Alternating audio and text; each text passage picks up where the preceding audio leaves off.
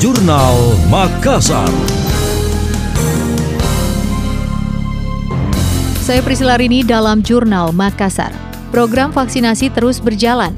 Data terakhir yang diterima capaian telah mencapai 53,38 persen atau sebanyak 588.409 dari target 1.102.330 orang.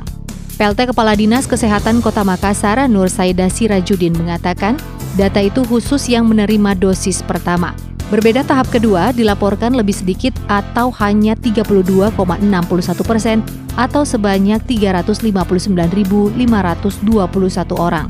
Pemerintah telah menetapkan target cakupan bisa mencapai 70 persen pada Oktober 2021 mendatang. Ia meyakini jika angka itu tercapai, bisa terjadi kekebalan kelompok atau herd immunity terhadap virus corona. Nur Saida mengaku progres vaksinasi berlangsung lamban, sebab baru diakomodir oleh organisasi hingga TNI Polri. Sementara suplai utama Pemkot dari pusat belum sepenuhnya tiba.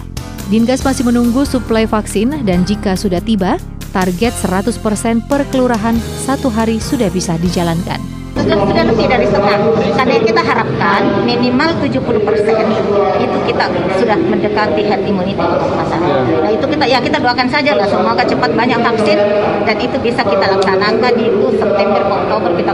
Sebenarnya alokasi vaksin mami yang kita tunggu. Makanya tadi Bapak sempat katakan ya 100 satu 100. Begitu vaksin banyak alokasinya dari pusat kita langsung sasar kelurahan-kelurahan untuk menseratuskan.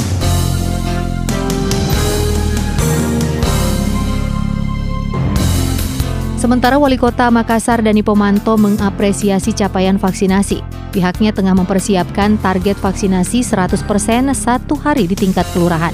Hanya saja masih terkendala suplai yang tidak mencukupi.